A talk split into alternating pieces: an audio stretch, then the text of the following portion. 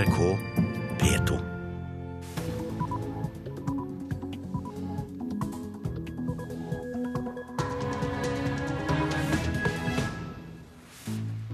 Velkommen til Nyhetsmorgen 21. november.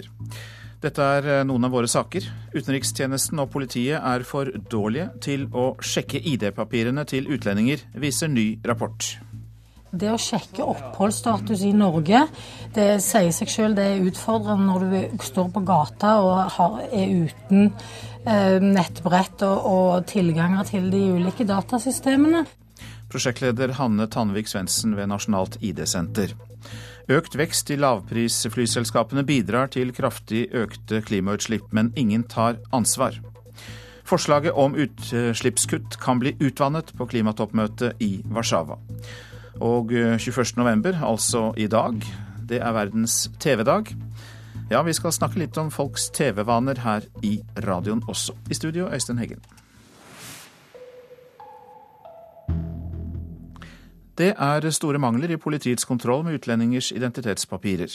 I en ny undersøkelse svarer over halvparten av politifolkene at de ikke er i stand til å sjekke om en utlending oppholder seg lovlig i Norge. Og det er ikke bra, sier prosjektleder Hanne Tanvik Svendsen ved Nasjonalt ID-senter. Det kan føre til at uh, man kanskje lar være uh, å undersøke den personen uh, man kanskje burde ha stoppa. Nasjonalt ID-senter har tatt for seg politiet i Oslo og Agder og utenrikstjenesten for å se hvordan det står til med kontrollen av identitetspapir. Det viser seg at mange av de ansatte her har liten eller ingen opplæring i å kontrollere pass eller andre ID-papir. De ønsker seg eh, mer opplæring i ulike ting.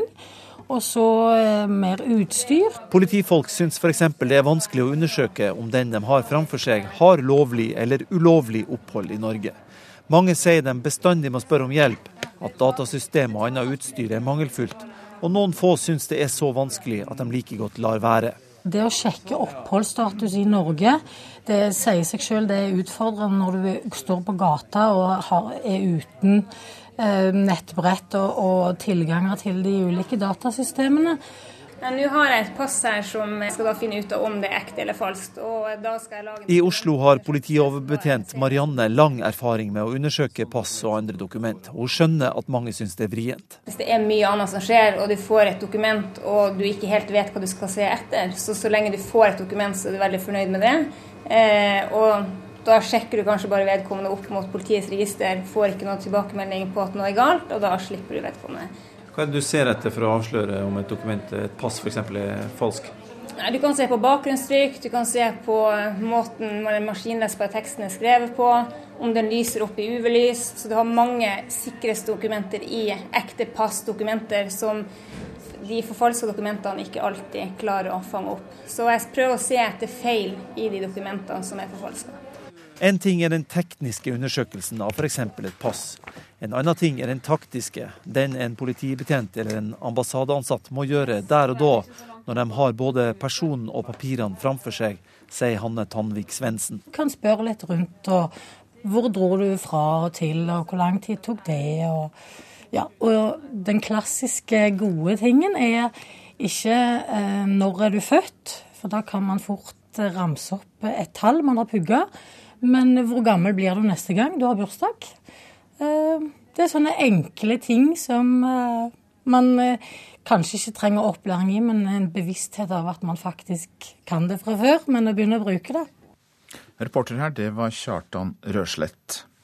I Storbritannia skal, Storbritannia skal, i 2007 ha gitt USA mulighet til å lagre britiske e-postadresser, mobiltelefonnumre, faksnumre og IP-adresser.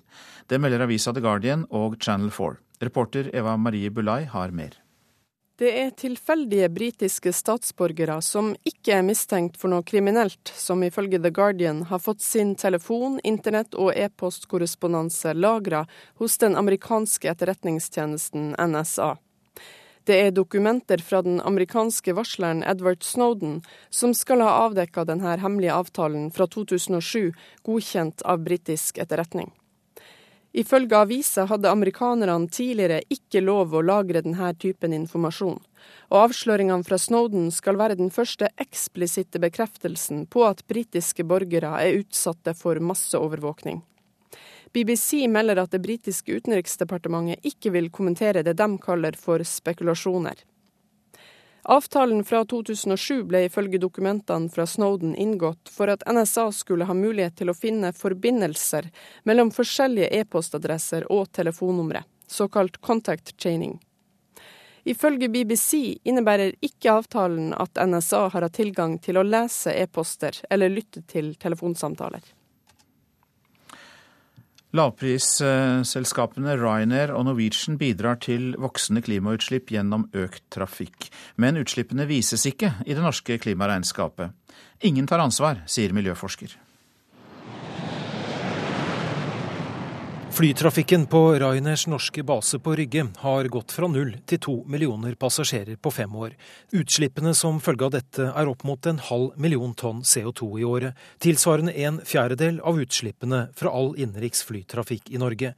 Og dette er ny trafikk og dermed en ren økning i forurensingen. Men flytrafikk ut av landet regnes ikke med i det norske klimaregnskapet, sier forsker Borgar Åmås ved Cicero senter for klimaforskning. Hvis du f.eks. flyr fra Rygge til København, så er, står ikke Norge for ansvarlig, eller ikke Danmark heller. Så det blir sånn internasjonale utslipp som ingen har ansvaret for. Både Rainer og Norwegian presser prisene i flymarkedet, og de andre flyselskapene må følge etter. Det fører til at stadig flere nordmenn flyr oftere enn før, Rygge søker nå om å øke trafikken med 50% og Gardermoen bygges ut for å håndtere 6 millioner flere passasjerer i året. Trenden i flytrafikken må snus av hensyn til miljøet, sier leder for Fremtiden i våre hender, Arild Hermstad. Man kan reise til Italia for absurde 49 kroner. Det, det sier seg sjøl at eh, da betaler man ikke for miljøkostnadene ved den flyreisen. Det sa leder for Fremtiden i våre hender, Arild Hermstad. Reporter Lars Håkon Pedersen. Klima og utslipp er fortsatt eh, tema. På klimatoppmøtet kan forslaget om utslippskutt bli svekket. Japan og Australia er imot kuttene. Leder i Naturvernforbundet, Lars Haltbrekken, du er med oss fra Warszawa. Nå vil du at den norske miljøvernministeren skal legge press på de som ikke vil godta større kutt. Og hva mener du Tine Sundtoft må gjøre? Tine Sundtoft må bidra til å snu det som så langt har vært et uh, kappløp mot buen på dette klimatoppmøtet. Vi har sett uh, utslippsløfter fra både Japan og Australia. Japan skulle jo egentlig kutte sine utslipp med 25% innen 2020. Nå legger de i stedet an til å øke dem med 3-4% Australia har varsla at de jobber for å droppe CO2-avgiften, noe som vil øke deres utslipp. Og det kom en alvorlig analyse i går på klimatoppmøtet som viser at eh, verden er på stø kurs mot en 3-4 graders økning. og Det vil ha store konsekvenser i form av at havnivået stiger, flere plasser blir ubeboelig, planter og dyr vil dø ut osv. osv. Konsekvensene er, uh, vil bli store av en sånn oppvarming. Hvilke forhåpninger har du, har du til et endret uh, utfall uh, dersom Tine Sundtoft og andre legger press på bl.a. Australia og Japan? Ja, det man håper at man får til her i Warszawa, er et såkalt eh, veikart. Eh, forpliktelse som eh, da stadfester hvordan de videre forhandlingene fram mot en global avtale i 2015 skal gå. Og da må hvert land eh, få en hjemmelekse og komme tilbake til klimaforhandlingene neste år med klare mål om å redusere sine utslipp, sånn at Uh, verden kan unngå klimakrisen. Og Det Sundtoft kan gjøre under hovedinnlegget sitt i dag, er å varsle at Norge kommer til å øke sine klimaforpliktelser, og at vi kommer til å kutte våre utslipp med 40% innen 2020, i stedet for de 30% som vi så langt har lovt. Ja, Vi hørte jo også om eh, utslipp fra flyselskaper i innslaget foran her. og Hvor viktig er det at Norge kutter disse utslippene og andre utslipp, eh, altså på egen hånd at Norge gjør det selv? Det er svært viktig, for vi har ikke lenger tid til å vente på at en internasjonal eh, klimaavtale skal trå i kraft.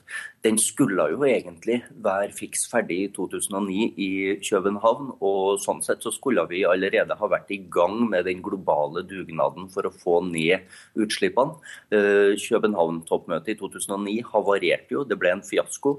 Vi venter nå på møtet i Paris i 2015, men eh, klimaendringene går så dramatisk mye fortere enn det forhandlingene eh, dessverre gjør. og Derfor så er vi avhengig av at land som Norge og andre rike land går foran og kutter sine utslipp. Og Vi ser jo bare til våre naboland, Sverige og Danmark. De har klart det. De har redusert sine utslipp kraftig de siste 20 årene, mens Norge dessverre har økt sine.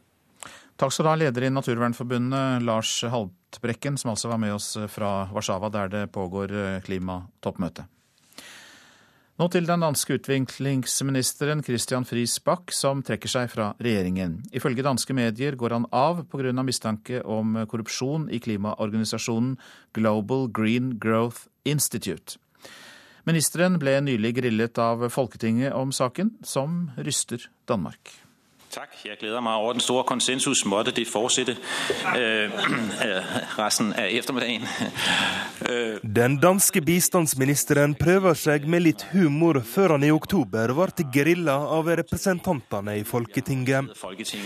Det de folkevalgte lurte på, var hvorfor Christian Friis Bakke ikke hadde informert dem om en rapport fra den koreanske riksrevisjonen. Rapporten anklager klimaorganisasjonen GGGI for misbruk av av tildelte midler. Formannen i GGGI er den tidligere danske statsministeren Lars Løkke Rasmussen. Han skal ha brukt over én million kroner på luksushotell, limousiner og flyturer på første klasse. I tillegg skal han ha hatt ei vesentlig høyere lønn enn det som er vanlig i internasjonale organisasjoner. Ifølge Frisbakk behandla ikke koreanerne saka mot GGGI som korrupsjon, og følgelig var det heller ikke nødvendig å informere Folketinget. Nå melder flere danske medier at han vil gå av i dag. Norge har støtta GGGI med 84 millioner kroner. Roger Severin Bruland orienterte. Så til eh, avisene her hjemme. CO2-verstinger som kullkraftselskaper samt fly- og bilindustri sponser FNs klimatoppmøte i Warszawa, skriver Dagsavisen. Vi skal ikke være naive og tro at dette handler om idealisme, sier Guri Melby fra Venstre til avisa. Aftenposten ville sjekke hvor ærlige folk er, og la ut 20 lommebøker i Oslo-området. Mange av dem ble levert tilbake. Tillit er en viktig ressurs, en viktigere ressurs for Norge enn oljen. Ja, det sier professor Alexander Cappelen ved Norges handelshøyskole. Høy tillit er hovedårsaken til at skandinaviske land har så høy levestandard. Magnus Carlsen er Norges nye nasjonalhelt, og slik blir hans nye liv med berømmelse og penger, skriver Dagbladet. Carlsen skaper sjakkhysteri, er oppslaget i VG. Butikkene ribbes for sjakkbrett, og seks av ti følger med på VM. Rekordmange unge må ha hjelp til boligkjøp, skriver Dagens Næringsliv. Fire av ti får økonomisk hjelp av eh, mamma eller pappa. Kristiansand kommune vil presse ned prisen på boliger, skriver Fedrelandsvennen. 900 leiligheter skal bygges hvert år for å sikre kjøpers marked og fortsatt tilflytting til Kristiansand. Sju av ti drosjesjåfører melder om sextrakassering fra passasjerer. Det viser en rundspørring Adresseavisen har gjort blant Trondheims sjåfører og eh, julebordstida er verst. Telenor vil ikke gi alle god mobildekning, det er oppslaget i Nasjonen. Bedre nett er dyrt, og Telenor vil prioritere høyere hastighet i nettet i sentrale strøk, skriver avisa. SVs krav om ny overvåkningskommisjon møter interesse i flere partier, skriver Klassekampen. Representanter fra Venstre, Senterpartiet og Kristelig Folkeparti sier de vil vurdere forslaget. Tidligere leder i Norges Fiskarlag, Reidar Nilsen, kjemper nå sin private kamp mot helsevesenet for å få erstatning etter at sønnen døde av testikkelkreft, skriver Nordlys. Sykdommen ble ikke oppdaget i tide, og Nilsen sier han kjemper for at barnebarna skal få erstatningen. Nyåndelighet inntar kirken, skriver Vårt Land. Det er økt interesse for healing, reinkarnasjon, spiritisme og karma. De nyåndelige med kirkelig bakgrunn har ett bein i hver leir, sier forsker til avisa.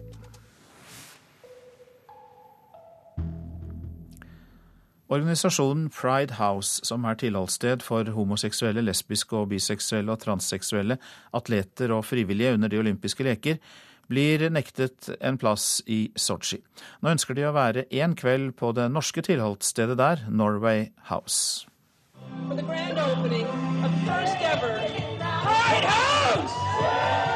Stemning under åpningen i Vancouver. Det kommer ikke til å bli like lystig i Sotsji. Jeg tror at hvis Norge hadde åpnet sine dører for oss som en ledende vinternasjon, så ville det sende et sterkt budskap til resten av verden. Det sier talsmann for Pride House, Leviathan Hendricks. Vi skal i enda større grad enn tidligere synliggjøre vårt engasjement på dette området. Men ikke i Sotsji, sier Håvard Øvergård i Idrettsforbundet. Vi skulle jo ønske at det var lov å vise det mangfoldet som en har i idretten, også i det olympiade, sånn som vi vil gjøre hvis vi får OL i 2022. Eh, men OL er en arena primært for idrettsøvelser, ikke for det idrettspolitiske arbeidet. Idrettsforbundet frykter at å låne bort Norway House til Pride House-organisasjonen en kveld vil ta fokus vekk fra idrettslige prestasjoner og over på et betent tema i Russland. Det å bruke Norway House til Pride House, eh, det mener vi ikke er den beste måten vi kan eh, fremme det mangfoldet som vi ønsker, både i Norge og internasjonalt. Han lover likevel at skulle Norge få OL i 2022, vil Pride House være hjertelig velkomne. Hvis vi skulle få OL til Oslo i 2022 som vi ønsker, Eh, så vil vi ha et Pride House i Oslo under OL. Reporter her, det var Patrick Steen Rowlands. Ja, klokka den har passert 6.46. Dette er hovedsaker i Nyhetsmorgen. Utenrikstjenesten og politiet er for dårlige til å sjekke ID-papirer til utlendinger. Det viser ny rapport. Forslaget om utslippskutt kan bli utvannet på klimatoppmøtet i Warszawa. Norge må presse Australia og Japan for å få til en bedre avtale, sa Lars Haltbrekken fra Naturvernforbundet her i Nyhetsmorgen nettopp. Og den danske utviklingsministeren Christian Friis Bach trekker seg fra regjeringen, ifølge danske medier pga. mistanker om korrupsjon i en klimaorganisasjon. En prest er siktet for underslag av 14,6 millioner kroner fra sin arbeidsgiver. Den siktede er en 61 år gammel tidligere forstander og direktør ved stiftelsen Betanien. Ifølge Bergens Tidende har han erkjent svindelen, som skal ha foregått i over sju år. Presten fikk i 1992 topplederjobben i stiftelsen, som i fjor solgte behandlingsplasser for nær 300 millioner kroner til Helse Vest og Bergen kommune.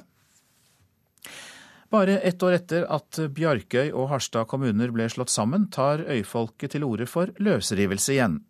Lokkemiddelet for frivillig sammenslåing var fast veiforbindelse øyene imellom. Nå advarer Bjarkøy-folk andre kommuner mot kommunesammenslåing. For forutsetningene det, de ble brutt, sier Kjell Arvid Andersen. Vi vil eh, faktisk rette en eh, advarende pekefinger til andre kommuner som da er i dialog for frivillig sammenslåing. Nå begynner innbyggerne og vi som har tilhørighet eh, på Bjørkøya, eller Sandsøya eller Grytøya, å eh, se at vi kan faktisk ikke stole på våre politikere. Forutsetninga for kommunesammenslåing med Harstad var fast veiforbindelse øyene imellom.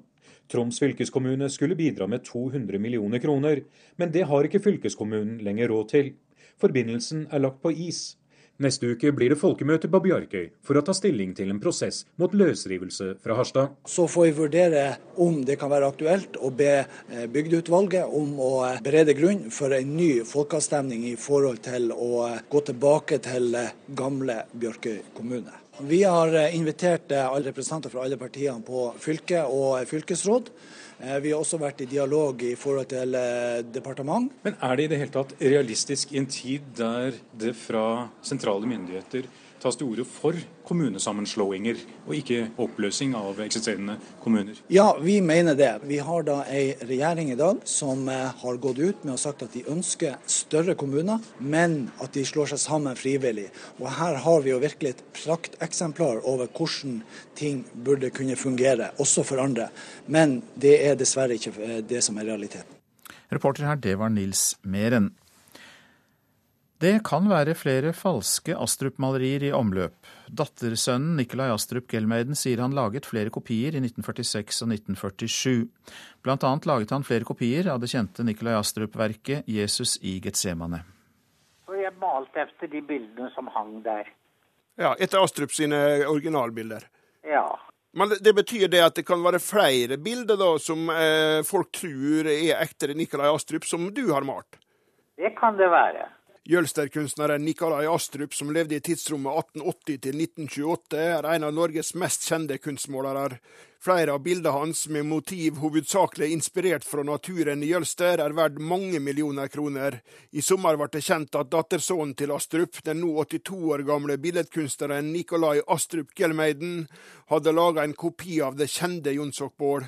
Ja, jeg malte mye på atelieret til Astrup. Jonsokbål var et måleri kunsteksperter mente var et ekte Astrup-bilde, inntil det ble kjent at dattersønnen hadde laga det.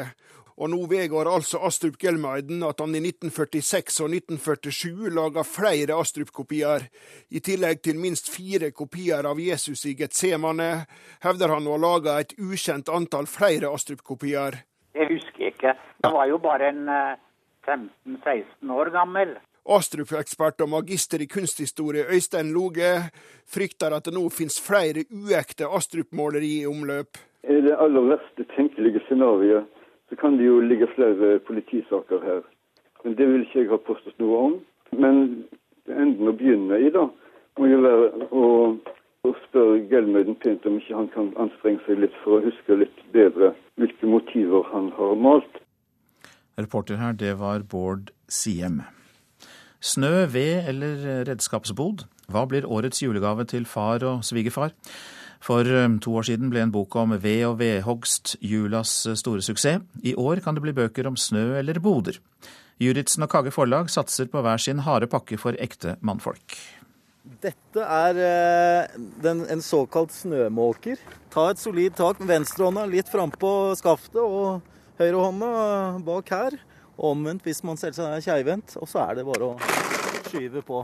Sammen med meteorolog Jon Smits gir Bjørn Skomakerstuen i disse dager ut boka Måk snø. Alt om snømåkingens redskaper, historie og sjel. Snø er noe jeg må forholde meg til, og det må alle i Norge gjøre. Enten de vil eller ikke. Boka har et opplag på hele 14 000, og Arve Juritzen i Juritzen Forlag satser på at Måk snø blir årets mannegave under juletreet. Dette er en gavebok. ikke sant? Hver jul så er det litt vanskelig. Hva skal vi gi til far, bror, onkel, bestefar? Disse mennene som har alt. Sokker og slips begynner å bli kjedelig, og de, de, det er mye mer glede i en bok. Så vi ser jo at hver eneste jul så er det en um, bok for menn som ligger på topplista. Hel Ved gjorde det, Jon Michelet gjør det, og i år så blir det Måk snø. For Juritzen legger ikke skjul på hva som er ambisjonene. Jeg skal jo være ærlig, og så skal jeg si at alle drømmer om en ny hel ved. Det er ikke noe hemmelighet. Lars Myttings Hel ved kom ut i 2011, og har til nå solgt over 160 000 eksemplarer i Norge. Kagge forlag ga ut boka, som har brøyta vei for andre bøker om mannen og sjelen i hans virke. Vårt forlag og andre forlagsutgivelser bærer jo preg av sånn innimellom nå, etter Hel V-suksessen at det, det, er lov å gi ut uh, bok om uh, sære ting. Det er lov å tro på at uh, sære ting kan selge mye. Sier Anne Gåthaug, forlagssjef i Kagge forlag, som satser på at deres bok 'Jeg skal bare ut i boden en tur', signert forfatter Bjørn Gabrielsen, skal bli årets mannebok under juletreet. De har trykka opp 7000 eksemplarer og venter nå på julesalget.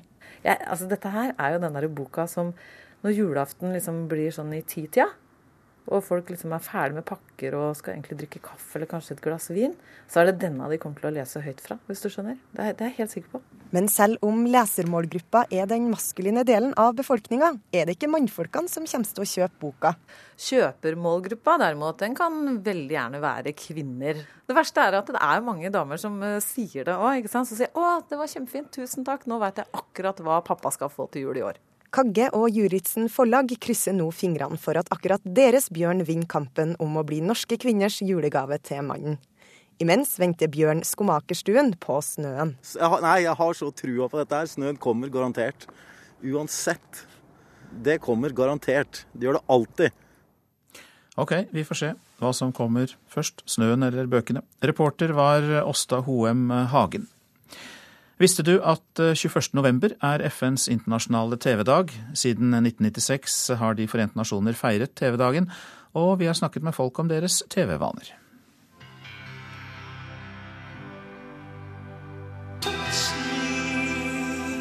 Det er vanskelig å ta på folk gjennom TV-skjermen. Og du skal ikke tro på alt du ser på TV. Men det som er sikkert, er at siden TV-en kom til Norge i 1960, har den blitt en stor del av vår hverdag. Likevel er det få som vet at 21.11 er FNs internasjonale TV-dag. Nei, det visste jeg ikke. Nei, det har jeg ikke peiling på. Nei. Nei. Det visste jeg ikke. Men uh, nå vet jeg det. Hvor mye ser du på TV i uka? Ti timer eller noe? Tre timer om kvelden eller mer. Litt mer, ass. Nei, det vet jeg ikke like mye. Cirka antall timer? Ja, kanskje én. Ja, det blir vel en par-tre timer på kvelden og uh, litt ekstra helgen, kanskje.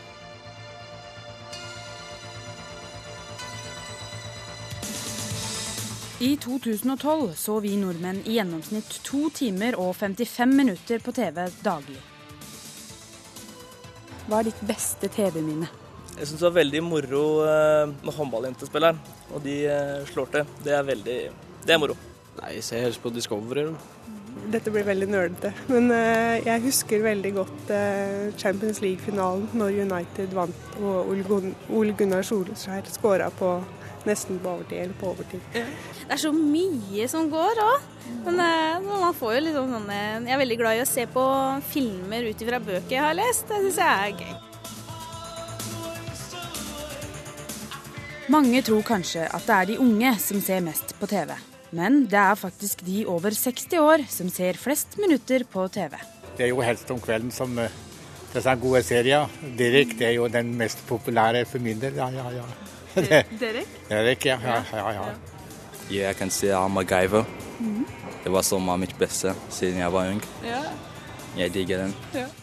FNs TV-dag feirer ikke TV-en i seg selv, men symbolet på globalisering, kommunikasjon og kulturutveksling. Likevel er sporten det viktigste for mange. Det er mye idrett som gir de gode minnene. Det er jo sporten.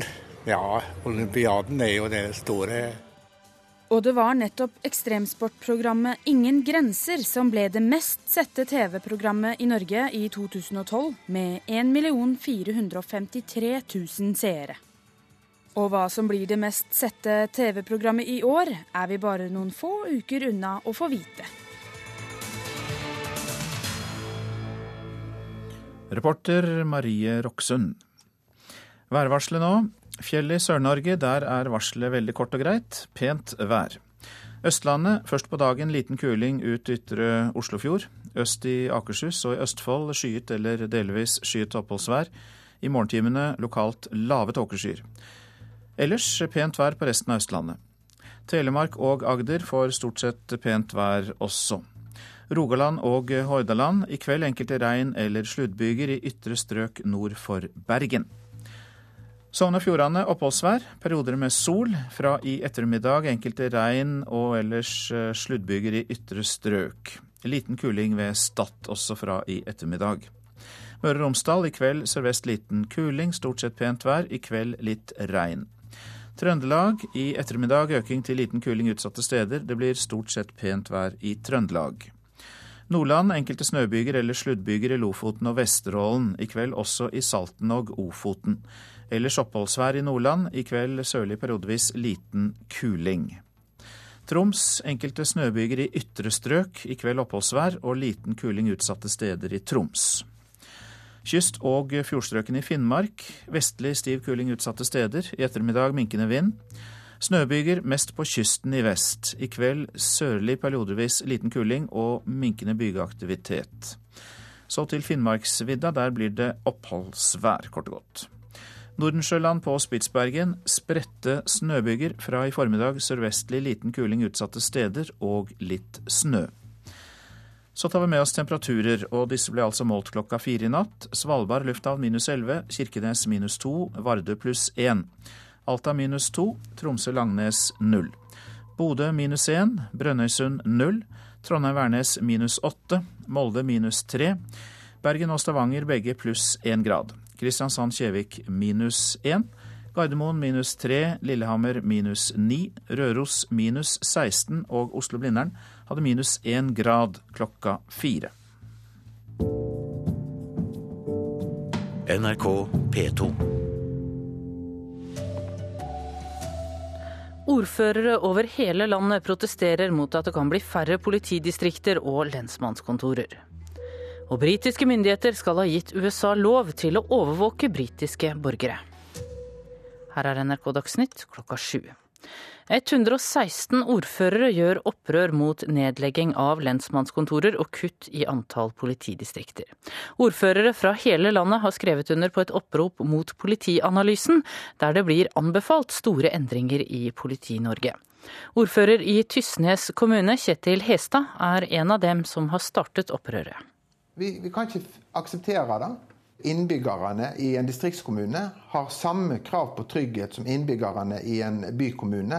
Lensmannskontoret i Tysnes forsvinner hvis Stortinget bestemmer seg for å følge rådene i Politianalysen. Hestad har vært med på å lage et opprop som 116 ordførere har underskrevet så langt. På mandag blir oppropet fra ordførerne levert til Stortinget og til justisministeren. Poenget her er at det nok er bedre å ha lokalt tilgjengelig tjenestepersonell enn å ha et lensmannskontor som er oppe to dager i uka fra ti til fire. Det sa justisminister Anders Anundsen. Reporter var Sindre Heierdal. På Filippinene har mange hundre tusen bønder fått avlingene ødelagt av tyfonen Haiyan. Områdene som ble verst rammet, står for en tredel av Filippinenes risproduksjon. FN ber nå innstendig om hjelp til å få produksjonen i gang igjen før sesongen er over. FN frykter også at mange lagre med ris ble ødelagt av tyfonen. Storbritannia skal ha latt den amerikanske etterretningstjenesten NSA lagre mobilnumre og e-postadresser til britiske statsborgere. Overvåkningen skal ha pågått helt siden 2007. Det er tilfeldige britiske statsborgere som ikke er mistenkt for noe kriminelt, som ifølge The Guardian har fått sin telefon, internett og e-postkorrespondanse lagra hos den amerikanske etterretningstjenesten NSA. Det er dokumenter fra den amerikanske varsleren Edward Snowden som skal ha avdekka denne hemmelige avtalen fra 2007, godkjent av britisk etterretning. Ifølge avisa hadde amerikanerne tidligere ikke lov å lagre denne typen informasjon, og avsløringene fra Snowden skal være den første eksplisitte bekreftelsen på at britiske borgere er utsatte for masseovervåkning. Det sa reporter Eva Marie Bulai. En tidligere forstander og direktør ved stiftelsen Betanien er siktet for grovt underslag. Ifølge Bergens Tidende har han erkjent å ha svindlet sin egen arbeidsgiver for 14,6 millioner kroner. Stiftelsen han har ledet solgte i fjor behandlingsplasser for nesten 300 millioner kroner til Helse Vest og Bergen kommune. NRK Dagsnytt, Tone Nordahl. Her i Nyhetsmorgen får du mer om ordføreropprøret mot nedleggelser av lensmannskontorer. Arbeiderpartiets stortingsgruppe gir millionlønn til sin sekretariatsleder, får høyere inntekt enn stortingsrepresentantene. Pressen og politiet stigmatiserer barn i sin omtale av ranere, sier advokat Mette Yvonne Larsen. Hun kommer til Nyhetsmorgen. Ja, som hørte i Dagsnytt, 116 ordførere gjør opprør mot nedleggelse av lensmannskontorer og kutt i antall politidistrikt. Alle har skrevet under på et opprop mot Politianalysen, som anbefaler Stortinget å foreta store endringer i Politi-Norge. Jeg eh, hører jo på e-postboksen min at eh, den gir lyd eh, stort sett hele veien her. Og det er fordi at det kommer masse tilbakemeldinger fra eh, kommunene i Norge nå. Vi, vi kan ikke akseptere det. Ordfører i Tysnes kommune, Kjetil Hestad, har startet et opprør innbyggerne i en distriktskommune har samme krav på trygghet som innbyggerne i en bykommune. Lensmannskontoret i Tysnes forsvinner hvis Stortinget bestemmer seg for å følge rådene i Politianalysen. Hestad har vært med på å lage et opprop som 116 ordførere har underskrevet så langt. Ja, Hvor er nærmeste lensmannskontor? Altså, Da må en jo med ferge for å komme seg til Tysnes. Og Sånn er situasjonen for veldig mange eh, kommuner. At eh, man får for lang avstand mellom eh, politiet og befolkningen de skal tjenestegjøre eh, for. Politianalysen ble bestilt etter terroren 22.07 for å få et bedre organisert politi. Konklusjonen er at antall politidistrikter bør kuttes. Politistasjoner og lensmannskontor reduseres fra 354 til 210. Det er stor uro i mange kommuner knytta til denne analysen. På mandag blir oppropet fra ordførerne levert til Stortinget og til justisministeren. Formålet er jo ikke at vi skal ha færre politifolk til stede i distriktene. Formålet er at vi skal ha et nærpoliti som er godt og effektivt. Sier justisminister Anders Anundsen. Jeg skjønner det lokale engasjementet, og det skal vi sette veldig stor pris på. og Det er veldig viktig for å få robust god, et robust og godt resultat etter arbeidet med politianalysen. Både at vi samarbeider bredt politisk, men også at vi involverer lokalt. Poenget her er at eh, det nok er bedre å ha lokalt tilgjengelig tjenestepersonell enn å ha et lensmannskontor som er oppe to dager i uka fra eh, ti til fire. Så vi må se på dette på en litt annen måte enn det vi har gjort så langt. Reportere Bjørn Myklebust og Sindre Heierdal. Sigve Bolstad, du er leder i Politiets Fellesforbund og med oss på telefon. Hva syns dere om oppropet fra ordførerne? Ja, Det er veldig forståelig, eh, og at man er redd for å miste eh, stedets eh, politi. Det er forståelig. Jeg syns det egentlig er gledelig, for det er med på å gi en ny dimensjon i debatten. Men eh, antall kontorer er ikke nødvendigvis det samme som mer nærpoliti. Det kan jo tenkes at det er mer effektivt med færre kontorer, men at man likevel da har nærpoliti utstasjonert. Ja. I forhold til det som Politiets Fellesforbund har sagt, så har vi sagt at antall politidistrikt er ikke det som etterspørres av publikum. Publikum ønsker ikke nødvendigvis flere politimestere og administrasjonssjefer osv. Det er ikke det som gir trygghet. Derfor har Politiets Fellesforbund ikke vært veldig opptatt av antall politidistrikt. Men når det derimot gjelder politiets tilstedeværelse, altså lensmannskontorene og forslagene om eh, kutt, så har vi sagt at eh, vi er ikke med på en ordning der man fysisk fjerner seg langt ifra der folk eh, bor, slik at man eksempelvis må kjøre en time eller timevis for å treffe politiet. Da fjerner man seg og blir en naturlig del av befolkninga. Det, det kan på sikt bli en, et demokratisk problem. Men er det realistisk å få til ja takk, begge deler? Altså at man sparer penger på færre kontorer, men likevel opprettholder en høy tetthet med politifolk i nærmiljøet? Nå, eh, I disse eh, dagene så sitter vi og har landsmøte i Sarpsborg og har bl.a. hatt besøk av justis- og beredskapsministeren i, i, går her. Det ble en meget bra time der dette var et av hovedfokusene. Eh, det vi sier, det er at det er ikke nødvendigvis et bygg som gir trygghet. Men det må være en trygghet i form av at politiet skal være eh, til stede der folk bor. Så man kan tenke seg løsninger med samhandling med andre etater i noen kommuner. Man kan innføre en boplikt. Eh, politiet må bo der, så man må kjenne politiet. Det er det befolkninga etterspør. Og Jeg har hørt en rekke rekke, gode eksempler på det her nede i uh, Sarpsborg. Man kan ha et hjemmekontor, man kan ha en bil utstyrt.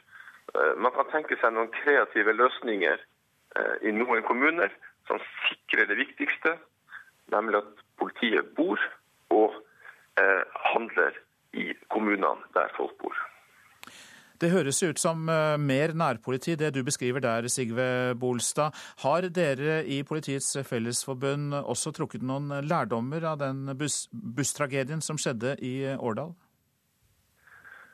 Det var en eh, stor tragedie, og det prates en god del om den tragedien i etaten. Og det er også fremkommet her på, på vårt landsmøte. Vi ønsker å være enda nærmere publikum gi publikum en enda større trygghet. Og det med responstid, responskvalitet og sånn generelt responsevne eh, skjønner vi veldig godt at, eh, at publikum eh, etterspør. Politiet må rett og slett gjøres mer robust. Det oppleves ikke som nok robust av, av befolkninga, forståelig nok. Og det må bare skjerpes inn. Takk skal du ha, Sigve Bolstad, som altså er leder i Politiets Fellesforbund, og snakket med oss på telefon fra landsmøtet i Sarpsborg. Arbeiderpartiets stortingsgruppe gir millionlønn til sin sekretariatsleder Hans Christian Amundsen. Den tidligere statssekretæren krevde høyere lønn enn stortingspolitikerne for å bli med over til Stortinget fra regjeringsapparatet. Arbeiderpartiet har ofte snakket om moderasjon i lederlønninger, men valgte å bryte med egen lønnspolitikk. Da um, åpner vi for eh, spørsmål. Vi bruker mikrofonen. Han har vært på pressekonferansene, gitt råd og skrevet taler. Du har sett ham rett bak, kanskje litt til siden i bildet. Amundsen har vært statssekretær for Jens Stoltenberg. Nå er han med videre til Stortinget. Jeg har bedt om en lønn, og har fått en lønn som er til å, til å leve med. Det er millionlønn som er til å leve med for Aps Hans Christian Amundsen. Lønnen til stortingsrepresentantene han nå skal legge til rette for, er for liten. Den er på 836 000 kroner. Tidligere har det vært et prinsipp at ingen i Aps administrasjon skal tjene mer enn representantene. Samtidig tror jeg heller ikke at vi skal si at når en regel er en tradisjon er etablert, så er den hugd i stein. Det vil alltid være sånn at tida utvikler seg, samfunnet endrer seg. Og da er det kanskje på tide at man også gjør nye ting.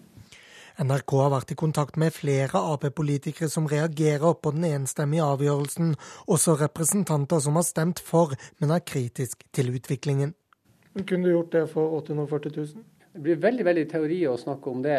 Jeg har uh, fått en jobb og fikk en lønn, og det er vel stort sett det. Da jeg gikk til politikken, så gikk jeg uh, betydelig ned i lønn. Og hvis jeg skulle gått tilbake til mediebransjen nå, så ville det gått betydelig opp i lønn. Jens Stoltenberg har en lavere stortingslønn, men forsvarer at Amundsen nå går opp i lønn fra statssekretærlønnen han hadde før valgnederlaget. Fordi det er en rimelig lønn for han med den erfaring, den bakgrunn eh, og den kunnskap han har, og også med det ansvaret han har for mange ansatte eh, på Stortinget. Og han kunne veldig lett fått vesentlig høyere lønn om han hadde valgt eh, andre jobber som han kunne fått. Vi kjenner til at gruppestyrets beslutning har vakt si, diskusjon internt i stortingsgruppa. Hvordan kommenterer du det? At gruppestyret har gjort et godt vedtak, et klokt vedtak, og fått ansatt en svært dyktig eh, mann til en helt rimelig eh, godtgjørelse. Jens Stoltenberg der til reporter Lars Nehru Sand. Politisk kommentator i NRK, Magnus Takvam. Hvilke signaler gir denne ansettelsen til resten av Arbeiderpartiet, der kampen mot høyere lederlønninger har stått sentralt? Det er klart at det kan være krevende for Arbeiderpartiet når de nå har eh, skal vi si, sprengt den lønnsgrensen som eh, har vært eh, vanlig til nå, der denne typen jobber har blitt skal vi si, lønnsfastsatt i forhold til stortingsrepresentanter. Jeg tror nok det har vært en diskusjon og en, en liten forhandling om lønnen i dette tilfellet, der man altså har, greid, har strukket seg til et lønnsnivå som er eh, oppunder det en statsråd eh, får. Men eh, som vi hørte i innslaget, det er nye eh, tider. Utviklingen går i en retning, og det er liksom slutt på den tiden der det er dugnad og idealisme utelukkende som ligger til grunn for at folk tar denne typen jobber. Men er det forståelse for det innenfor Arbeiderpartiet, eller kan det føre til strid, dette vedtaket? Altså Nå var jo dette vedtaket enstemmig i gruppestyret i Arbeiderpartiet. Jeg tror nok, eller jeg vet at det var enkelte som rynket på nesen over dette og skal vi si beklager at utviklingen går i eh, denne retning. Og, og, det er nok i konflikt med kulturen i stortingsgruppa, sånn som den har vært eh, hittil omkring denne typen spørsmål. Men det er klart at i enkelte tilfeller, hvis man vil rekruttere eh, folk eh, som, som, man absolutt vil ha kompetansen til, så må man legge seg på et høyere lønnsnivå enn det man har, har, vært vant til. Og det spiller selvfølgelig også en veldig stor rolle i denne konkrete saken at Hans Christian Amundsen er en medarbeider som Jens Stoltenberg har jobbet veldig tett med de siste årene, og som han helt tydeligvis absolutt ville ha med seg videre inn i sin nye jobb i Stortinget. Nå er det nok mange stortingsrepresentanter som har gått ned i lønn etter at de inntok sine verv på Løvebakken. og ja, Holder denne stortingslønna tritt med resten av samfunnet? Nei, eh, altså i hvert fall ikke jeg mener topplønner i samfunnet som enkelte eh, går fra. Og det har jo vært et tema ofte at, at man rekrutterer i altfor liten grad fra f.eks. Næringsliv osv. fordi det er for dårlig betalt i politikken. Dette er en balansegang. Og jeg tror nok de aller fleste partier vil mene at skal en person ta et politisk verv, så må vedkommende tilpasse seg sånn i det store bildet, i hvert fall lønnsnivået som er eh, i politikken, og ta det med på kjøpet. Takk skal du ha, Magnus Takvam, som altså er vår politiske kommentator. Dette er Nyhetsmorgen, og klokka den er kvart over sju der. Vi har disse hovedsakene. 116 ordførere gjør opprør mot nedlegging av lensmannskontorer og kutt i antall politidistrikt. En tidligere forstander og direktør ved stiftelsen Betanien er siktet for grovt underslag. Ifølge Bergens Tidende har han erkjent svindel for 14,6 millioner kroner. Britiske myndigheter skal ha gitt USA lov til å overvåke britiske borgeres e-postadresser, mobiltelefonnumre og IP-adresser. Pressen og politiet stigmatiserer barn med den måten de omtaler dem som utfører de mange ranene i hovedstaden den siste tiden. Ja, det mener leder av Advokatforeningen Erik Keiserud og leder av Advokatforeningens menneskerettighetsutvalg Mette Yvonne Larsen, og du er kommet til oss nå. God morgen. God morgen. Dere skriver i en kronikk i Aftenposten i dag at de såkalte verstingene gjerne er barn som selv har det verst, og eh, at politiet omtaler dem negativt. Hvorfor ikke? De gjør jo noe negativt. Ja, de gjør noe negativt hvis de er skyldige, selvfølgelig. Det er vi helt enige om. Og målet må i hvert fall være å unngå at de skal gjøre dette igjen. Eh, samtidig som målet er å unngå at de skal gjøre dette igjen, så er det også eh, et prinsipp at man ikke skal omtale barn i negative vendinger på denne måten. Det har Barnekonvensjonen eh, slått fast, og FNs barnekomité har mana til forsiktighet om denne type omtale. Dere nevner jo også pressen. La oss uh, si at en ungdomsgjeng slår ned en tiåring for å stjele mobiltelefonen hans eller hennes. Vi bør jo beskrive det som brutalt, det som skjedde. Ja, man bør absolutt beskrive det som brutalt, og for den tiåringen så må det være helt forferdelig. Men man må være forsiktig med å omtale eh, mindreårige kriminelle på den måten, fordi at vi vet at når pressen tar litt av, sånn som man har gjort her, så følger politiet på. Det blir rop om strengere straffer, det blir rop om å få dem inn i fengsel. Og er det noe vi vet, så er det at fengsel ikke hjelper. Politimester Hans Sverre Sjøvold i Oslo har vi hentet inn kommentar fra. Han har lest kronikken, og han sier at politiet viser hensyn også overfor unge lovbrytere. Jeg mener jo at politiet tar hensyn til de momentene knyttet til barn og straff som påpekes i denne kronikken. Men noen ganger så er det så stor gjentagelsesfare, og vi vet at det begås ran hvis en person slipper ut. Og Da er nok vi av den oppfatning at selv personer under 18 år må hindres eh, i å, å begå nye ran. Og da kan f.eks. varetektsfengsel være en mulighet. For eh, det kan ikke være noe tvil om at vi må ta stor hensyn også til ofrene for kriminalitet.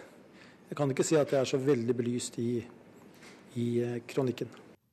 Nei, det sa politimesteren i Oslo, Hans Sverre Sjøvold, at dere ikke belyste ofrenes rolle noe særlig i den kronikken? Det er vel det vi starta med, at ofrenes rolle, at dette er veldig vanskelig. Så målsettinga er jo å unngå at ofrene skal oppleve det igjen.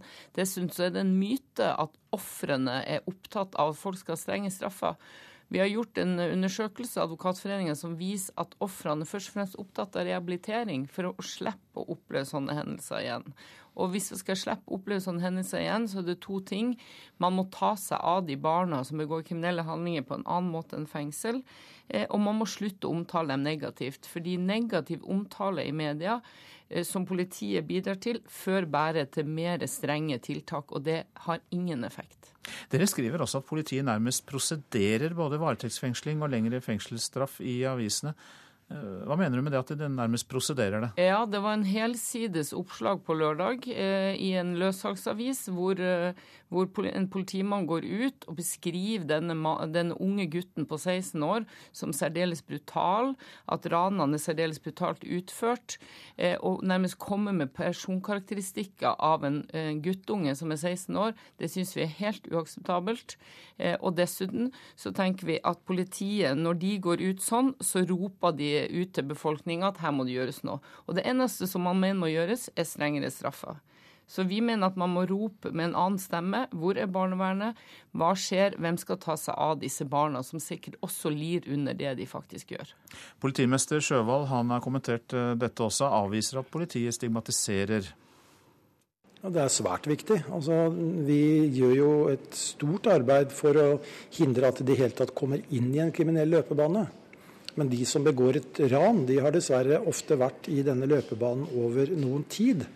Og de har kommet for langt. Men jeg er helt enig med de som skriver kronikken i at god kriminalitetsforebygging, sørge for at de lever et positivt liv, går på skolen, kommer inn i jobb, er det aller, aller beste.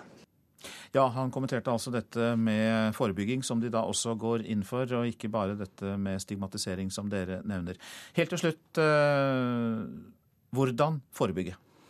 Hvordan forebygge? Det jo, dette begynner jo allerede i barnehagen, og det begynner jo med foreldrene. Men det begynner også med et tett eh, nærmiljø. Det begynner med barnevernets innsats. Jeg er bekymra for at barnevernet nå står og ser på at, at, såpass unge folk kommer inn i fengsel.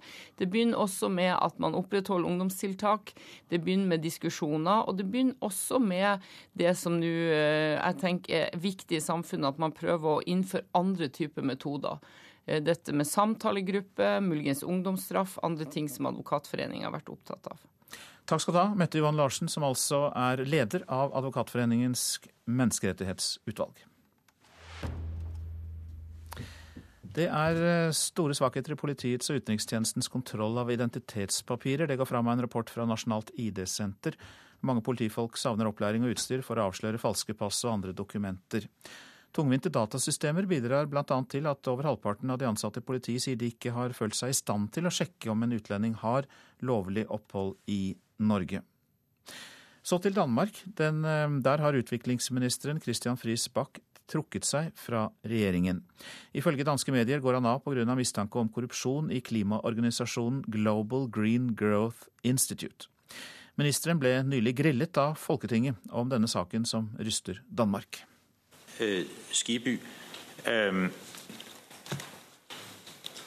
spørsmålet altså omkring orientering igjen. Øh. Han sleit med å forklare seg, i den danske bistandsministeren, da han ble grilla i Folketinget. Det de folkevalgte lurte på, var hvorfor Christian Friis Bach ikke hadde informert om en rapport fra den koreanske riksrevisjonen. Rapporten skylder klimaorganisasjonen GGGI for misbruk av bistandspenger. Men ifølge Friis behandla ikke koreanerne saka mot GGGI som korrupsjon, og følgelig var det heller ikke nødvendig å informere Folketinget. Men problemet var bare at det lønnivået det var for. En sentral leder i organisasjonen skal rett nok ha fått ei urimelig høy lønn, men dette skal være retta opp, sa Friis Bach. Eh, og det er det rettet opp på, og jeg har sagt men skyldningene stopper ikke der. Den tidligere danske statsministeren Lars Løkke Rasmussen er formann i GGGI. Han skal ha brukt over en million kroner på 15 reiser. Det er snakk om luksushotell, limousiner og flyturer på første klasse. Det er klasser over business class. Og der har vi jo nå hørt at Norge f.eks. velger å øh, holde bistand tilbake. Representant Mette Bock spurte bistandsministeren om GGGI nå var på konkursens rand, etter at Norge har frosset sitt bidrag på 84 millioner kroner til organisasjonen pga. det økonomiske rotet. Vil jeg bare bare øh, si at det er mitt ansvar. Det er utviklingsministerens ansvar. Heller ikke det hadde Friis Bach et godt svar på.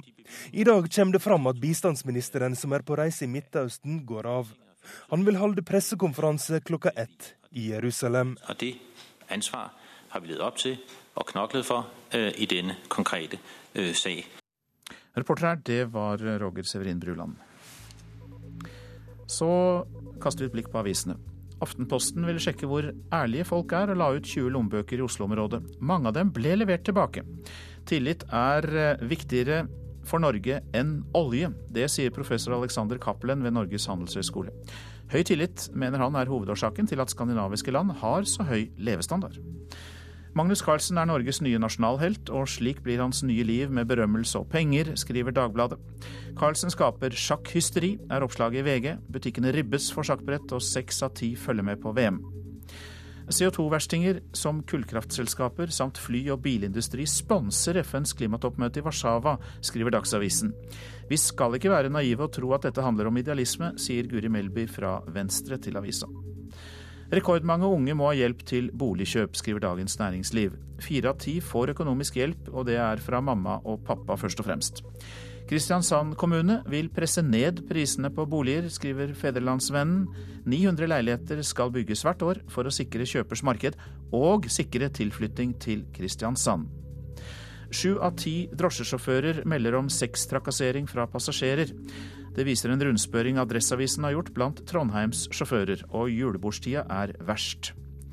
Telenor vil ikke gi alle god mobildekning, det er oppslaget i Nasjonen. Bedre nett er dyrt, og Telenor vil prioritere høyere hastighet i nettet i sentrale strøk, skriver avisa. SVs krav om ny overvåkningskommisjon møter interesse i flere partier, skriver Klassekampen. Representanter fra Venstre, Senterpartiet og Kristelig Folkeparti sier de vil vurdere forslaget. Nyåndeligheten inntar kirken, skriver Vårt Land. Det er økt interesse for healing, reinkarnasjon, spiritisme og karma. De nyåndelige med kirkelig bakgrunn har ett bein i hver leir, sier forsker.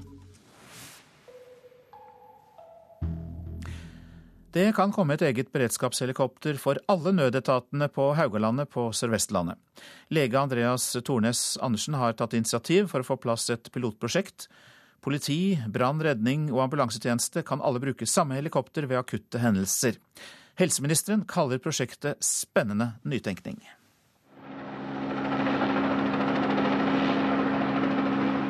Et redningshelikopter tar av. Et helikopter beregnet for øyeblikkelig helsehjelp.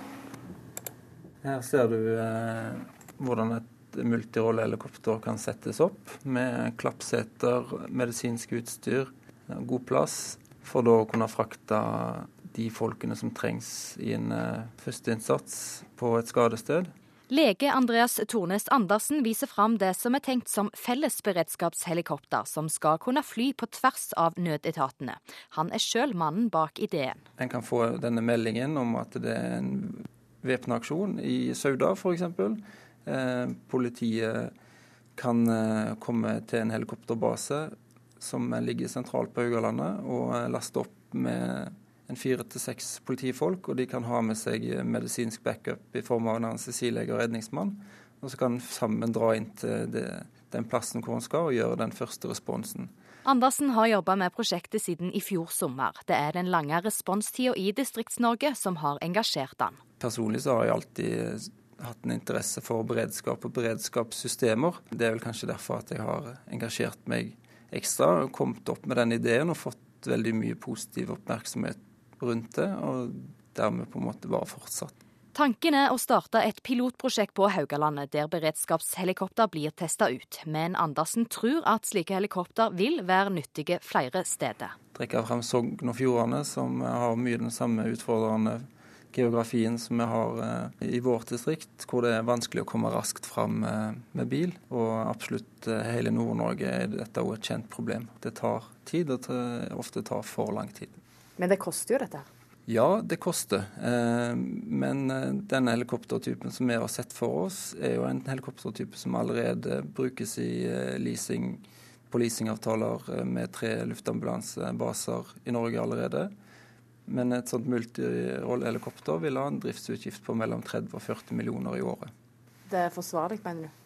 Ut ifra oppdragsmengden som vi ser for oss, er det absolutt forsvarlig. Helse- og omsorgsminister Bent Høie er òg kjent med prosjektet, og skriver i en e-post til NRK at det er spennende med nytenkning. Samtidig sier han at det er altfor tidlig å kommentere saken ytterligere. Høyres Sveinung Stensland, som sitter i helse- og omsorgskomiteen på Stortinget, berømmer det lokale engasjementet. Jeg syns det er en god idé. Det er en veldig spennende idé. og et godt eksempel på at uh, vi har mange dyktige fagfolk i helsevesenet i Norge som er i stand til å tenke nye tanker, og det må vi ta vare på. Men her må både Justisdepartementet og Helsedepartementet jobber godt sammen hvis dette eventuelt skal bli realisert. Jeg håper jo eh, at de som sitter med makta ser at dette er en gyllen anledning til å forsøke eller prøve ut et prosjekt som vil definitivt gi bedre responstid for eh, politiet og eh, redningsdykkere. Drømmescenarioet er at dette er på plass innen tre års tid. Ja, til slutt der så hørte vi initiativtaker og lege Andreas Tornes Andersen. Reporter Mari Friestad. Sitter du på informasjon NRK og andre bør ha? Send oss tips og bilde som MMS til 03030 eller e-post til 03030 krøllalfa nrk.no. Nyhetstips 03030. Vi skal til EUs fattigste land etter Dagsnytt, og høre om protester og misnøye i Bulgaria. Statsminister Erna Solberg kommenterer sitt besøk hos forbundskansler Angela Merkel i Politisk kvarter. Produsent for Nyhetsmorgen er Ulf Tannes Fjell, her i studio Øystein Heggen. Og vi minner om nettstedet radio.nrk.no, altså radio.nrk.no, der du kan høre radio og laste ned tidligere programmer.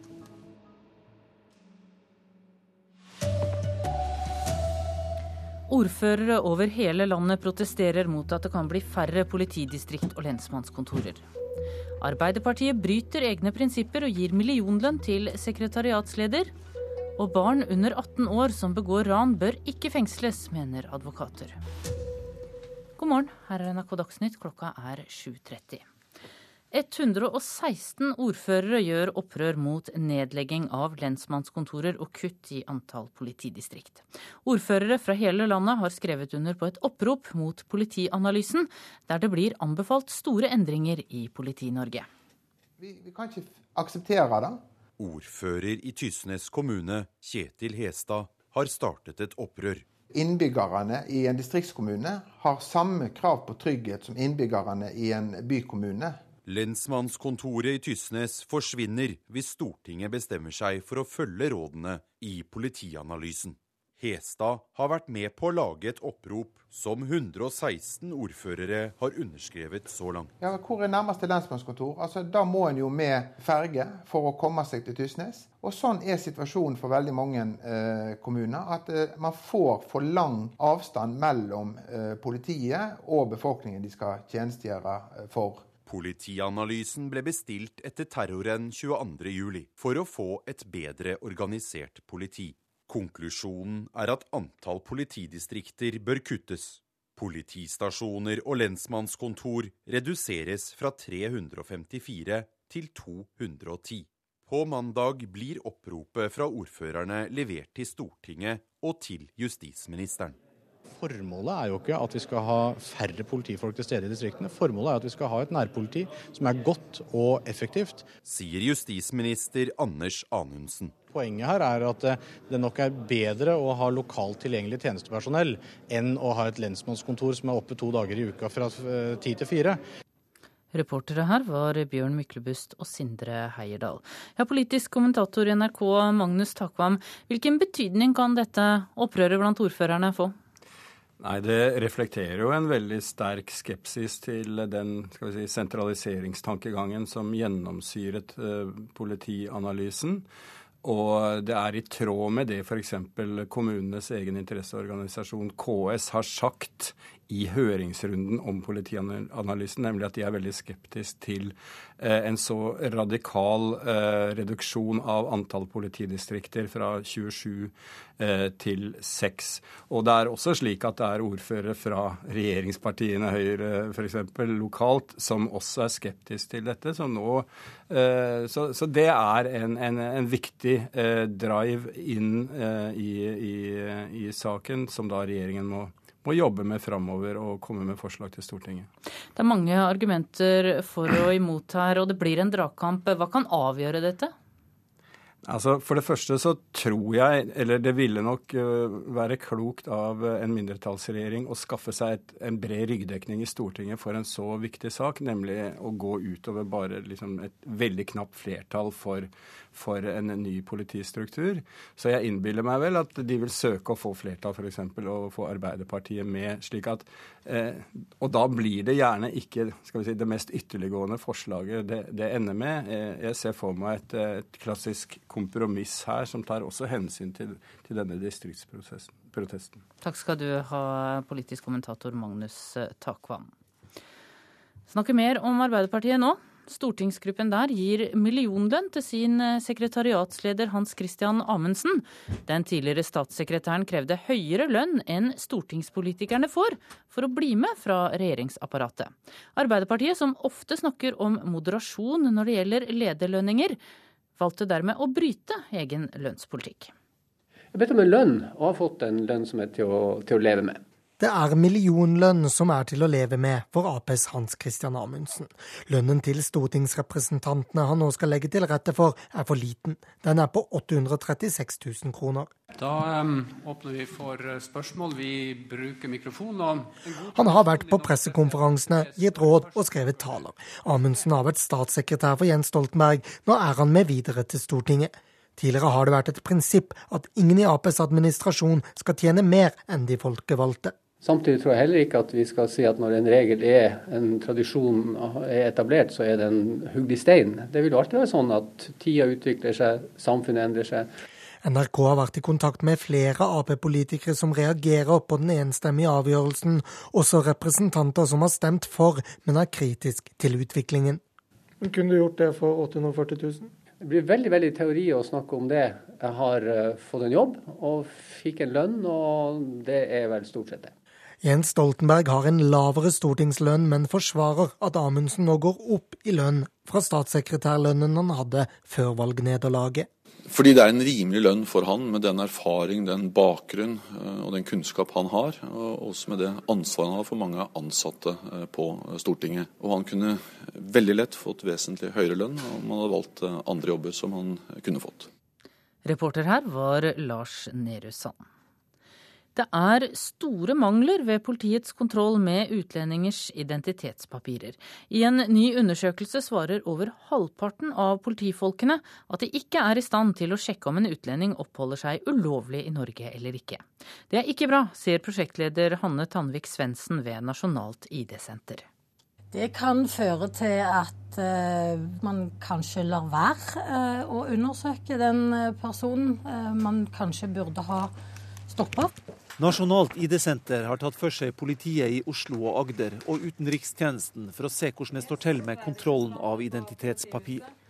Det viser seg at mange av de ansatte her har liten eller ingen opplæring i å kontrollere pass eller andre ID-papir. Politifolk syns f.eks. det er vanskelig å undersøke om den de har framfor seg, har lovlig eller ulovlig opphold i Norge. Mange sier de bestandig må spørre om hjelp, at datasystem og annet utstyr er mangelfullt, og noen få syns det er så vanskelig at de like godt lar være. Det å sjekke oppholdsstatus i Norge, det sier seg selv det er utfordrende når du står på gata og er uten eh, nettbrett og, og tilganger til de ulike datasystemene. Reporter her var Kjartan Røslett. Barn som står bak ran i hovedstaden blir stigmatisert i måten de omtales på av både politiet og pressen. Det skriver Erik Keiserud og Mette Yvonne Larsen i Advokatforeningen i en kronikk i Aftenposten i dag. Larsen mener det er viktige grunner til at barneranere bør omtales annerledes. For det første er det hensynet til det enkelte barn, som stort sett er sårbart i en sånn ung alder.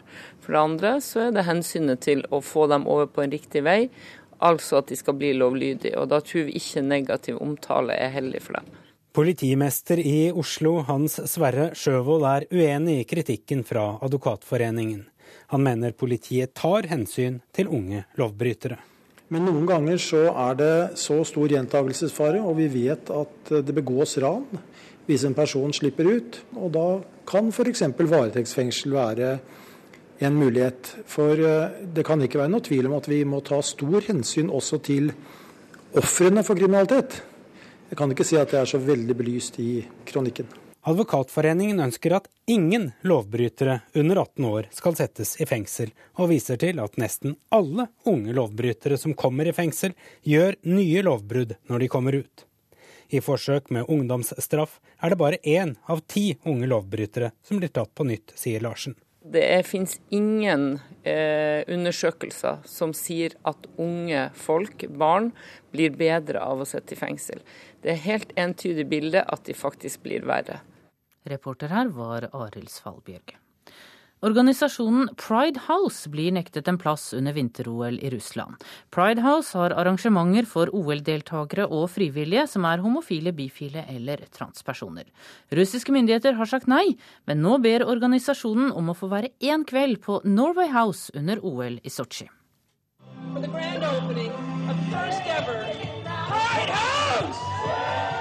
Stemning under åpningen i Vancouver Det kommer ikke til å bli like lystig i Sotsji. Jeg tror at hvis Norge hadde åpnet sine dører for oss som en ledende vinternasjon, så ville det sende et sterkt budskap til resten av verden. Det sier talsmann for Pride House, Leviathan Hendricks. Vi skal i enda større grad enn tidligere synliggjøre vårt engasjement på dette området. Men ikke i Sotsji, sier Håvard Øvergård i Idrettsforbundet. Vi skulle jo ønske at det var lov å vise det mangfoldet som en har i idretten, også i det olympiade, sånn som vi vil gjøre hvis vi får OL i 2022. Eh, men OL er en arena primært for idrettsøvelser, ikke for det idrettspolitiske arbeidet. Reporter var Patrick Steen Rolands. Ansvarlig for Dagsnytt Anne Skårseth, Hanne Lunås og Tone Nordahl. Dette er Nyhetsmorgen.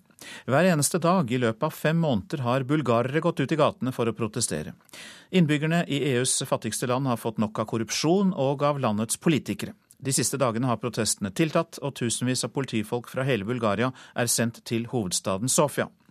Utenriksmedarbeider Hans Christian Hansen har snakket med noen av dem.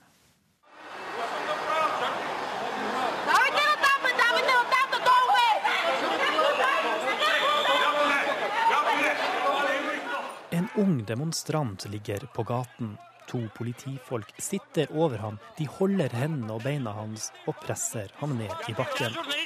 En ung kvinne kledd i rød kåpe og med en hvit skinnveske hengende over skulderen forsøker febrilsk å hjelpe ham løs, men blir bryskt stoppet av myndige betjenter. Enda flere strømmer til. De finner seg ikke i hvordan vennen deres blir behandlet. Det råder kaos i Sofias gater. Situasjonen er i ferd med å eskalere.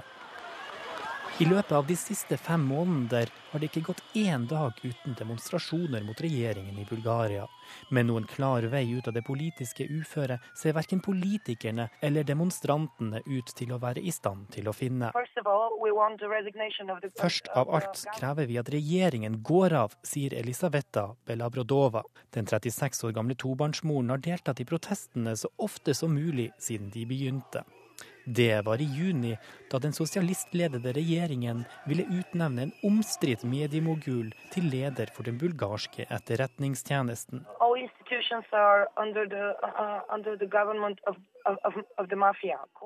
Alle institusjoner står under mafiaens kontroll. Domstolene, politiet, forvaltningen. Alt, sier Elisaveta. Hver eneste dag tar folk til gatene med plakater, trommer, vuvuzueler og klare ord. De vil ikke lenger finne seg i at grensene mellom politikk, butikk og egeninteresse i beste fall kan synes uklare. Du kan ikke stole på noen, sier 36-åringen. De siste dagene har protestene tiltatt i styrke etter at studenter har okkupert et av universitetene i hovedstaden. Byen er totalt blokkert av politiet, særlig sentrum. 3000 politifolk overalt i gatene. Noe slikt ser du ellers bare i diktaturer, ikke i europeiske land. Og det blir bare verre og verre, hevder hun. Ting har blitt riktig tøffe de siste 15 dagene, sier demonstranten. I befolkningen synes protestene å ha bred støtte. Over halvparten av bulgarerne mener at det må tas grep. På toppen av generell misnøye med styre og stell har finanskrisen, økende arbeidsledighet og stigende priser gjort hverdagen enda vanskeligere for mange innbyggere i EUs fattigste land. Die Bulgaren haben es auch satt, sagen wir mal so, von ständige Korruption und irgendwelche unklare Entscheidungen in der Politik. Bulgarerne har rett og slett fått nok nå av stadig korrupsjon, av uklare avgjørelser i politikken. Man har inntrykk av at alt i politikken skjer i kulissene og ikke i det åpne rom sier Kapka Todorova, journalist i en av Bulgarias ledende dagsaviser. Alle gruppen der Gesellschaft så å si alle samfunnets grupper har deltatt i protestene, forteller journalisten, som følger utviklingen i hjemlandet som korrespondent i Brussel og Berlin.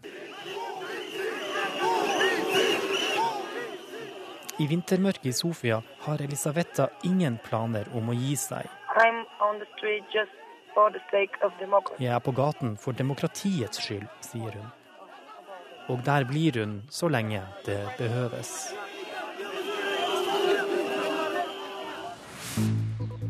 Dette er Nyhetsmorgen, og dette er hovedsaker. Ordførere over hele landet protesterer mot at det kan bli færre politidistrikter og lensmannskontorer.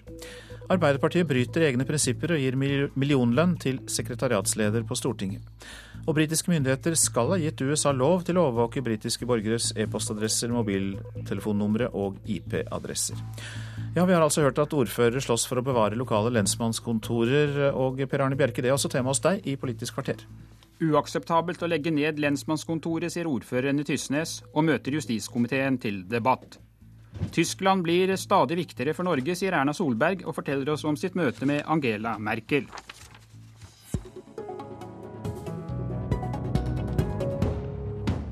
God morgen og velkommen, Erna Solberg. Takk. I går kveld kom du hjem fra Berlin og samtaler med Angela Merkel etter ditt første utenlandsbesøk som statsminister. Hvorfor mener du at Tyskland blir et stadig viktigere land for Norge? Det er tre grunner til det. Det er selvfølgelig vårt viktigste, vår viktigste handelspartner i Europa. Eh, det er mye av norsk industri, norsk næringsliv, eh, som har sterk direkte kontakt, og egentlig er avhengig for sin aktivitet av aktiviteten i Tyskland. Så er det jo det at, eh, at Tyskland er Europas største land har stor betydning i seg selv. Og så klart at Angela Merkel er også Europas eh, ja, viktigste politiker. Eh, helt avgjørende for å finne frem til utviklingen for Europa i årene fremover. Dere snakket eh, bl.a. om energipolitikk, og Statnett arbeider nå med muligheten for å bygge en undersjøisk kabel som vil koble det norske og tyske kraftmarkedet sammen. Hvor stor er interessen hos Merkel for et slikt prosjekt? Eh, interessen er veldig stor eh, for prosjekt. De ville gjerne hatt flere kabler. Utfordringen i det tyske energimarkedet er at de nå har veldig god og høy dekning på fornybar energi. De har sol, de har, eh, har, eh, vindkraft. Men det er ikke alltid solen skinner sterkt nok, og det er ikke alltid at vinden blåser. Og Det betyr at når du har mye fornybar som ikke kan lagres, så trenger du altså annen støtteenergi for å sikre forsyningssikkerheten. Og det da er gass viktig, men sjøkabler er også viktig. Det er det som på en måte kan være rollen til en sjøkabel eller to til Tyskland. Det er å bidra til den forsyningssikkerheten når ikke vinden og solen er i full kraft. Men utfordringen er at det er ganske store endringer i måten det tyske energimarkedet utformes på. Subsidieordningene et marked for kapasiteter, som mm. de sier, for denne forsyningssikkerheten. Det, og Da må vi også vite hvilke rammebetingelser eh, mm. den strømmen vi sender til Tyskland skal ha, før vi kan fatte en investeringsbeslutning i Norge. Ja, for Her er det jo snakk om store investeringer. og eh, Hva må tyskerne love deg når det gjelder tilgangen til markedet, før du og regjeringen går inn for eh, denne utbyggingen? Ja, nå er det jo i og for seg Statnett som skal fatte vedtak og styre der. Men, men det er statsselskap? Men de skal ha en, ja, og de skal ha en konsesjon for å gjøre det fra, fra regjeringen eller fra, fra Olje- og energidepartementet. Det er å være sikker på at man får være deltaker i kapasitetsmarkedet. Det skjer litt av det samme i, i Storbritannia nå. I første runden så er altså ikke kabel, strøm via kabel eh, inne i det kapasitetsmarkedet de har laget i Storbritannia. Vi må også presse på der for å sikre det. Hvis ikke så er det veldig nye rammebetingelser for tanken om at Norge skal kunne bidra til stabiliteten i energiforsyningen gjennom å sende strøm uh, i kabel. Du var så vidt inne på det. Norge selger jo også betydelige mengder gass til Tyskland. Men i dag så sliter jo da gasskraftverkene med lønnsomheten pga. høye priser og billig kull. To av de gasskraftverkene som Statkraft har i Tyskland, står for tiden stille. Hvordan ser du på mulighetene for gassalget fremover?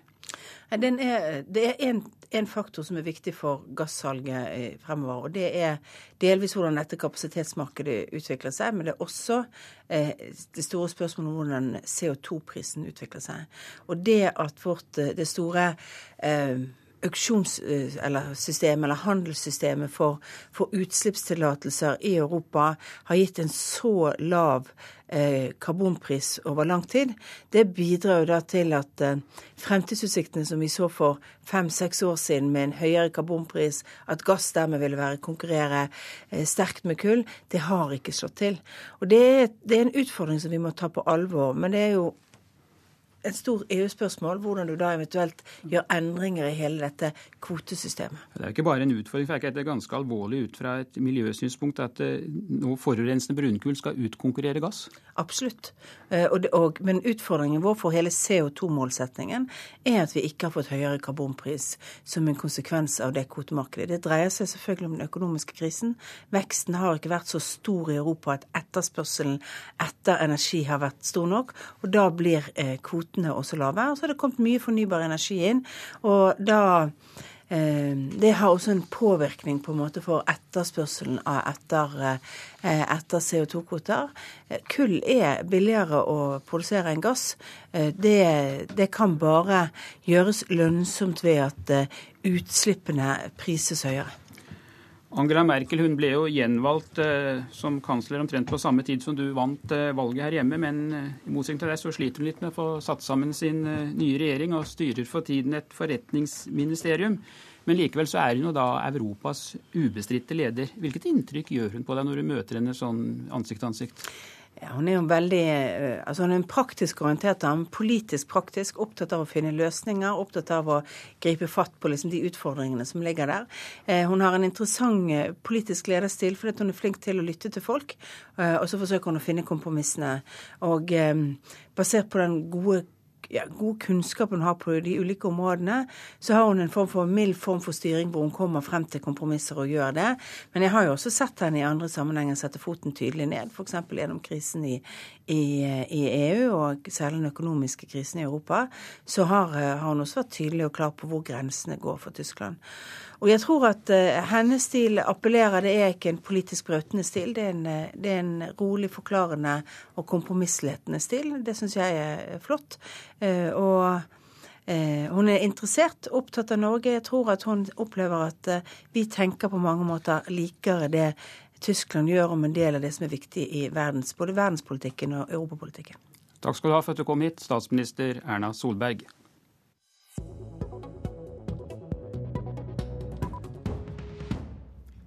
Som vi har hørt i Dagsnytt, protesterer ordførere fra hele landet mot forslagene i politianalysen om at tallet på politidistrikt skal reduseres til seks, og antallet tjenestesteder skal ned fra 354 til 210.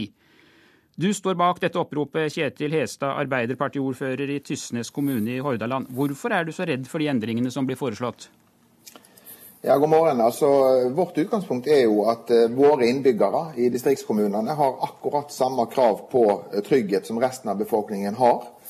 I dag så har vi en situasjon der uh, vi allerede har veldig store vaktdistrikt for våre politi- og lensmannskontor. Og utrykningstida til politiet er, er på grensa til å være akseptabel slik man har det i dag. Eh, og så foreslår man altså da en ytterligere sentralisering av politiet. Og da sier vi et helt tydelig nei takk. Det vil vi ikke ha. Vi vil ha den eh, sikkerheten for innbyggerne våre som vi har krav på. Anders Werp, nestleder i Stortingets justiskomité for Høyre. Det er dere som til slutt skal ta avgjørelsen. Hvilket inntrykk gjør det når foreløpig 116 ordførere har skrevet under et opprop mot forslagene i politianalysen? Jo, Det er klart et eh, signal vi kommer til å merke oss. Eh, det er også viktig å understreke at eh, dette oppropet er jo da en protest mot en administrativ rapport. Den politiske prosessen har jo ikke, har jo ikke startet enda, og jeg er glad for at justisministeren har sagt veldig tydelig at han kommer til å invitere partiene på Stortinget til en sondering veldig raskt når det politiske arbeidet med politianalysen kommer til å starte opp, forhåpentligvis ved juletider eller senest på nyåret. Jenny Klinge, justispolitisk eh, talskvinne i Senterpartiet. Du har vel allerede, allerede, konkludert med å si nei til en omfattende nedleggelse av lokale tjenestesteder, eller lensmannskontor, som dette jo dreier seg om. Hvorfor det? I Senterpartiet er vi utrolig opptatt av at det skal være en politireform som utvikler politiet framover. Samtidig så mener vi også at det er rett at vi politiske partier signaliserer posisjoner politisk nå, eh, hvor langt vi eventuelt eh, skal gå i, i sammenslåinga. Der er det ikke aktuelt på noen måte for Senterpartiet å gå med på en sammenslåing ned til seks politidistrikt og halvering av lensmannskontorene. Vi ønsker å utvikle nærpolitimodellen til å bli sterkere, ha et tilstedeværende politi som samtidig har en god beredskap, og da er ikke løsninga for oss en massiv sammenslåing. Kjetil Hestad, nå er det jo ikke snakk om å redusere antallet polititjenestemenn, men å kutte i antallet kontorsteder og politidistrikt, og heller få flere politifolk ut i gatene og ut på veiene. Hvorfor er dette så galt? Altså, Politiet i en kommune har jo ikke bare en rolle i forhold til å håndtere eh, kriminalitet og ulykker og andre ting. Politiet i våre kommuner har jo en eh, viktig rolle i forhold til eh, den kommunale beredskapen. Eh, I forhold til det, ikke minst det forebyggende arbeidet for barn og unge. Eh, og Politiet har de siste tiårene vært tufta på at man skal ha en nærhet til den befolkningen man skal tjene. Politiet er ikke til for seg sjøl, de er til for befolkningen. Og hvis politiet skal sentraliseres, så er de ikke til for den befolkningen de skal tjene. Da får vi et utrykningspoliti som kommunene sier at det vil vi ikke ha.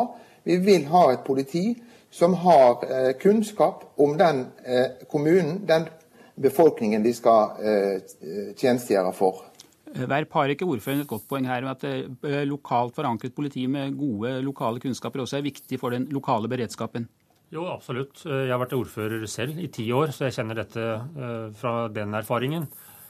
Og Derfor er jeg også glad for, og jeg regner med også at ordfører Hestad er glad for at det i den nye regjeringsplattformen er klart uttrykt at eh, denne regjeringens eh, mål er å styrke eh, nærpolitiet, og at eventuelle, eventuelle strukturendringer skal gi to dokumenterbare effekter før vi gjør det. Det første er mer lokal politikraft. Det andre er mer ressurser til kriminalitetsbyggende arbeid, kriminalitetsforebyggende arbeid. Og, og, og, Dette kommer regjeringen til å legge til grunn. Og så er det viktig å, å også være klar over en, en, annen ting. Vi har 354 tjenestesteder i politiet i dag eh, spredt rundt i hele landet. Eh, Trett, kun 13 av disse 354 stedene, tjenestestedene har døgnbemanning. Eh, og, og, da har nok også ordføreren her et eh, arbeid å gjøre overfor eh, sitt eget parti. fordi det er jo under de siste åtte år at denne strukturen har, har oppstått. Og inklusive Senterpartiet, som satt i samme, samme regjering. Under 4% av tjenestestedene i dag har døgnbemanning. Det understreker noe av utfordringen her, som vi skal ta tak i. Jenny Klinge. Ja, det, det, som er uenigheten mellom oss eh, politisk, som jeg oppfatter mellom regjeringspartiet og Senterpartiet spesielt, er nok hva et nærpoliti, et aktivt nærpoliti faktisk betyr. Det som det ofte blir talt om, det er at en skal ha et politi på hjul. Et politi som røkker fort ut. Eh, og det er selvsagt viktig, men det er også et ansiktslaust politi. Eh, og det å ha et nærpoliti som folk kjenner, og som kjenner folk, eh, er uvurderlig, slik jeg ser det. Og så er det ikke minst viktig å få med seg at når vi da antyder at det er en fylkesmodell vi vil gå inn for, så vil det være en fornuftig modell, all den tid både fylkesmann og fylkeskommuner, og ofte også frivillige organisasjoner, har de grensene. Politiet, Det er et samvirkeprinsipp i politiet, med samarbeid med andre aktører. Eh, og det vanskeliggjør den sterkt hvis den skal gå ned til seks politidistrikt. Eh, derfor er det viktig for oss både å si at vi ønsker en fylkesmodell, men ikke minst også at vi ønsker å opprettholde et mangfold av lensmannskontor, selv om det også selvsagt kan gjøres endringer på struktur der. Anders Weip. Ja, Høyre har også eh, uttrykt at seks politidistrikt antageligvis er for få. Men at vi trenger en reduksjon, det har vi vært veldig tydelige på, og det sier også regjeringen. Eh, men, men, når vi snakker om nærpoliti, så er det altså under 4% av tjenestestedene som har eh, døgnkontinuerlig vakt. Det vil si at mindre enn en tredjedel av døgnet er det polititjenestemenn på vakt i det eh, nærmiljøet. Det, det er ikke en nærpolitimodell som, som fungerer veldig bra i dag. Og så er det også viktig å huske på at bakgrunnen for dette arbeidet det er jo 22.07.2011.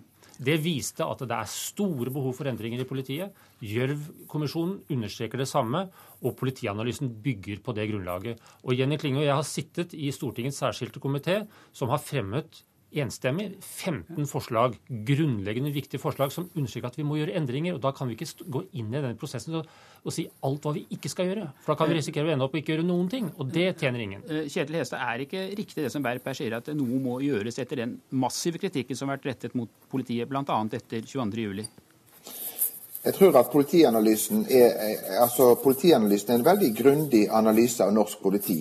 Men politianalysen utelukker helt å, å ta opp spørsmålet knytta til nærhet, politinærhet. Altså til, til, til, det her som går på nærpoliti. Og, og for, for, kommunene, for nå mer enn 120 av de norske kommunene, så, så er man veldig urolig for at man skal få en situasjon der en får altså et større fravær av politiet enn det en allerede har i dag.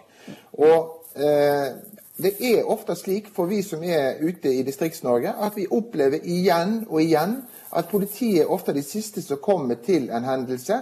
Brannvesen og, og, og, ambulanse er ofte kommet før. Eh, og Derfor så sier vi at det er på grensa til å være forsvarlig slik det er i dag. Og Stortinget har jo sjøl ved flere anledninger pekt på at politiet mot 2020 bør slippe til Lene Klingar helt til slutt. Er ikke riktig det som ble sagt av Werper, at eh, noe må gjøres etter den kritikken som har vært reist mot politiet kort? Åpenbart Senterpartiet vil også gå inn for det, men det vi er redd for, er at lovens lange arm nå skal bli amputert og ikke nå fram til alle deler av landet. Og det vil vi arbeide mot. Takk skal dere ha, og det var Politisk kvarter med Per Arne Bjerke. Hør flere podkaster på nrk.no podkast.